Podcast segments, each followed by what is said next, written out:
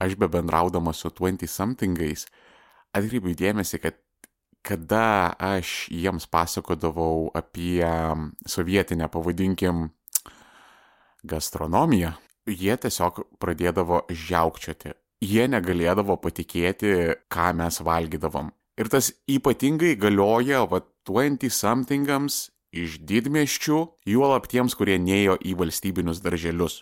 Mums boomeriams su tuo yra labai sunku empatizuoti. Mes, vat visi millennialsai ir aukštyn, mes su tuo gimėm, su tuo užaugom ir taip mes galime suprasti tos visos būties skurdą, turiuomenyje sovietinės būties, ypatingai tai, ką sovietmečiu mes valgydavom. Mes tai galime suprasti, bet mes nelabai galime emociškai priimti, ant kiek tai buvo blogai. Mums nelabai pavyksta empatizuoti su tais buržuato antisamtingais, kurie žiaukčioja vien nuo minties apie perlinių kruopų sriubą. Pat kolegos boomeriai, millennialsai ir vyresni, pabandykite įsivaizduoti tokį gyvenimą, kuriame tu nežinai pasaulio be McDonald'o. Kada tu nuo vaikystės jau žinojai, kas yra suši. Tu žinojai, kas yra persikai, kas yra brikosai.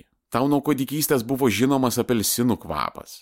Tu nuo kūdikystės žinojai, kas yra bananas. Tau nereikėjo apie jį svajoti ir fantazuoti tau nelabai suprantamas tas jausmas, kada tavo tėvas grįžo namo iš vaisių ir daržovių bazės nešinas dėžė, kurioje buvo bananai. Ir tu nesi gyvenime patyręs tokio dalyko, kai tu gauni tą savo išsvajotą bananą, kuris tau atrodė kaip kažkokia dievų ambrozija. Tu net nedrįsai įsivaizduoti jo skonio, nes tau atrodė, kad nu, net laikys tavo skonių paletę tokios visko gausos, kaip palaižyti Kristaus spenį. Ir galiausiai, kada tu net abstrakčiai nepajėgtum suvokti to viso nusivylimmo, kada tu nusilupi tą visiškai žalią bananą ir tu jo atsikandi kaip žalios bulvės. Ir tu pajauti tą skonį nykumo, kuris prilyksta nebent Vytauto Sinicos tekstui.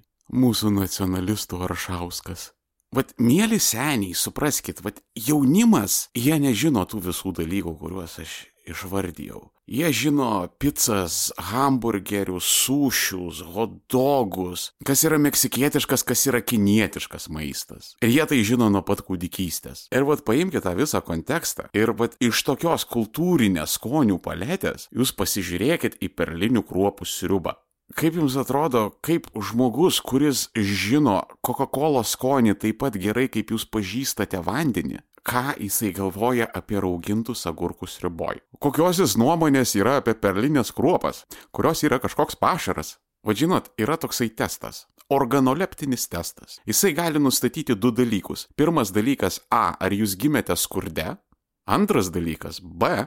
Ar jūsų gimimo data prasideda nuo 8 ir mažiau? Tas testas skamba taip. Įsivaizduokite prisvilusios daktariškos dešros kvapą.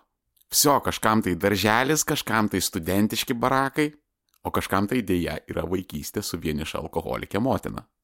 Turi lytų, acentų, o jeigu randu. Panašu, kad Hebra neremėte Armėno radio Patreon arba Contribui. Nes jeigu remtumėte, jums nereikėtų klausytis raginimų šitą tučto jau padaryti. Dėlas yra paprastas. Jūs galite klausytis Armėno radio visiškai nemokamai, bet tada turėsite toleruoti šitą užknisantį pinigų klenčinimą. Bet vos jūs tik nueinate į Armėno radio Patreon arba Contribui, visos nuorodos aprašymuose apačioje, pasidarote prenumeratą ir košmaras baigėsi. Hebra, euras, euras į mėnesį jums tai kainuos. Nebesiklausyti šitų maldavimų. Euras, fucking euras į mėnesį. Aš norėjau padaryti 99 centus, prisiekiu, norėjau padaryti 99 centus, bet man nei Patreonas, nei Contribui neleido. Sako, mažiausias skaičius turi būti vienas. Už keturis 99. Jūs ne tik tai galėsite girdėti epizodus be va šitų va maldavimų įnešti pinigų į kasą, prašau, bet jūs dar visus epizodus girdėsite gerokai anksčiau. Todėl, kad pirmą jie pasirodo Patreonė arba Contribui, o vėliausiai išeina į atvirą eterį. Ir galiausiai 999 kaip normalaus Kento valstybinis numeris - Armėnas Ultra. Už tai jūs gaunate ne tik nulį reklamų ir kontentą iš anksto, bet dar ir super ekskluzyvinį prieėjimą prie Armėnos slėptuvės, kur guli visi klasikiniai Armėno radio epizodai. Tėtai reikia naujo gėliko. Ir jei norėsi, tai mokėsi. Galų gale čyrikas ir mėnesį. Tikrai nėra daug. Antaiko su daugiau išleidžiat. Ir kas baisiausia, kolegos boomeriai? Mums slaptai patinka tas sovietinis maistas. Taip, mes jau matėm pasaulio, mes jau žinom, kokį mes teiką norim ir mėgstam užsisakyti. Mes važiuojam į tonį rezortą ančių širdžių sriubos. Mes turim kamadus, mes žinom tobuliausią barbecue ripsų receptą. Mes autoritetingai, ne iš nuogirdų galime pasakyti, kad geriausi sušiai Europoje yra Londone. Bet jeigu niekas nemato, jeigu mes turime pasirinkimą pietums ar žiauriai gerą steiką, ar karbonadą, paniruotą, su bulvitėm feri ir stikliniu kečupo bliudeliu, čia jau 90-ųjų atradimas, bet vis dėlto, kada mes valgom Neapolyje, tą jų dievišką, dangišką, purę pizzą su traškia plutele, bet vidui lengva kaip debesi kada mes ją įsidedame į burną ir jinai ištirpsta, vos prisilietusi prie liežuvio, mes ten sėdim ir galvojam, kad tavo stačia kampė pizza iš mokyklos su tomatų pasta ir smulkintom sasyskom yra vis tiek geriau. Ir visos fosilijos, kurie dabar klausote šito įrašo, vad kai niekas nemato, jūs pripažįstat, jūs sakot, seniai, taip, taip, seniai, tu teisus, Šikau, aš ant tų visų antrekotų. Šikau, ant tų jūsų brioš bandelių. Šikau, ant tų jūsų visų ramenų. Duokit man mamos kotletus su didžiaja O iš batono, su rožiniu valgykliniu padažu, su bulvių košyte, su kopustėliais, burokeliais ir palangos duona. Hebra, juk taip yra, nu, nu, nu, nu tiesa, pripažinkim. Nu tiesiog, nu, vat, jeigu jūs tikrai esate vieni, nu tiesiog, nu, vat, pripažinkim savo, kad bandelė su dešrelė yra geriau už tą jūsų dramą burgerį. Ir tie visi, kurie puls rėkti, kad ne, aš esu vyresnis už millennialsą ir nesąmonė, aš nemėgstu tokių dalykų, taip aš sovietmečių tai valgiau, aš to nekančiau. Tu netiesą sakai armėnai. Va tie, kurie taip daro, yra tokie patys kaip tie isteriški homofobai, kurie po to aptinkami Seimo viešbučiuose su nuogais vyrais. Aš jums duodu tūkstančio procentų garantiją, kad periodiškai Žilvina Grigaitį nulaužė ir jis išsiverda savo sasyskus su grikių košė ir pasislėpęs valgo. Ir tada sudegina visas sasyskų išnaras, visus grikių maišelius židinyje, kad net aptarnaujantis personalas nematytų, ką jisai tada darė. Nes taip yra. Nes taip yra. Nu mes, mes, mes seniai esame visiškai galutinai sužaloti. Nu čia yra kaip betofilija. Va tu, tu nenori tvirkinti vaikų.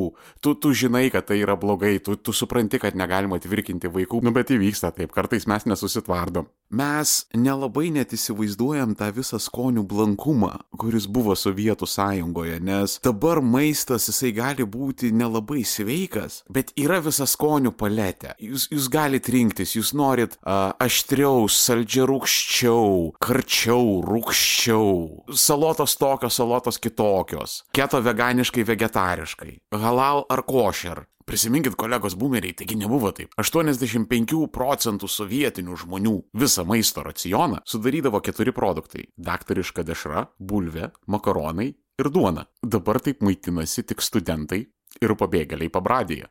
Ta prasme, net pravieniškėse maitina įvairiau, negu valgydavo 85 procentai Sovietų sąjungos. Ir kas įdomu, tas visas maistas buvo kolosaliai nykus. Tie skoniai buvo tokie kaip pilkas, betoninis, sovietinis devinaukštis. Ir tas visas sovietinis maistas, jisai toksai buvo raminantis ir užkišantis. Tu kada prisivalgydavai tų sovietinių makaronų ir išeidavai į tokią palaimingą nirvaną, su tokiu geru bazu galvoju, kaip tokio normalaus jadriono Amsterdamo skanko. Prisimenat, kas būdavo su tais makaronais, jeigu jie pervirdavo, jie tiesiog išslydydavo ir sušokdavo į tokią vieną masę ir jinai prikipdavo prie puodo dugno kaip koksai keramo granitas, ta prasme, tai būdavo net krapštoma. Tai buvo ne makaronas, tai buvo mineralas kažkoks. Tavo puodas gaudavo naują dugną.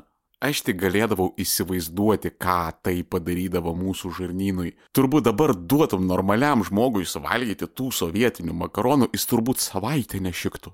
Ir viskas su duona. Tik tai su duona. Dar ir dabar tie proper boomeriai, baby boomeriai, tie, kurie gimė tarp 45-65, dar ir dabar daugelis jų paprasčiausiai nepavalgo be duonos. Tu jam atnešk steiką, kuris sveria kilogramą, literalų kilogramą steiką jautienos, atnešk jam padėk ant likšties, liepk jam viską suvalgyti ir jeigu jisai tai padarys be duonos, jis vis dar jausis nesotus. Ir ta visa tokia aukštoji sovietinė kulinarija, pavadinkim tokia prabangioji kulinarija, tai va čia buvo tie visi karbonadai su paniruotėm. Tai turėjo būti būtinai mėsa kokia nors. Jautiena nebūtinai, jau keuliena galėjo būti prabanga daugelį sluoksnių. Tai vad kokia nors keuliena, marinuota majonezė, farširuota kokiais nors kiaušiniais, apvaliota džiuvesėliuose ir paduodama į stalą su virtomis bulvėmis, čia jau buvo ta tokia aukštesnioji sovietinė kulinarija, čia jau vat ką būtų sovietinė Beata Nikolson, jeigu tokia būtų buvus parodžiusi per sovietinį televizorių. Ir viskas, basta, mes jau seniai sužaloti. Mes kaip žmonės, kurie matėm karą, jau to nebet matysim. Ir eidami į šiaurės miestelių senukų, mes būtinai sustosime prie to larioko ir paimsime savo porą belešų. Nežiūrinti tai, kad mūsų laukia naujas eskalaidas. Nežiūrinti tai, kad savo metu mes stovėjom prie aukščiausios tarybos. Ir jeigu reikės blemba, mes ateisime dar.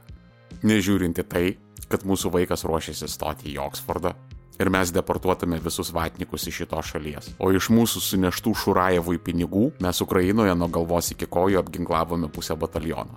Kada niekas nemato, mes neironiškai, nuoširdžiai valgysim tuos belešus ir viduje aimanuosim iš tos euforijos, nes už tokią blėt Lietuvą mes kovojom. O dabar padėkime kovoti kitiems. Vienas ką - paramos fondas. Nuo karo pradžios surinkti virš 2 milijonų pasėjo labai daug mirties šventoje Ukrainos žemėje. Prisidėkite ir jūs. onekfund.org.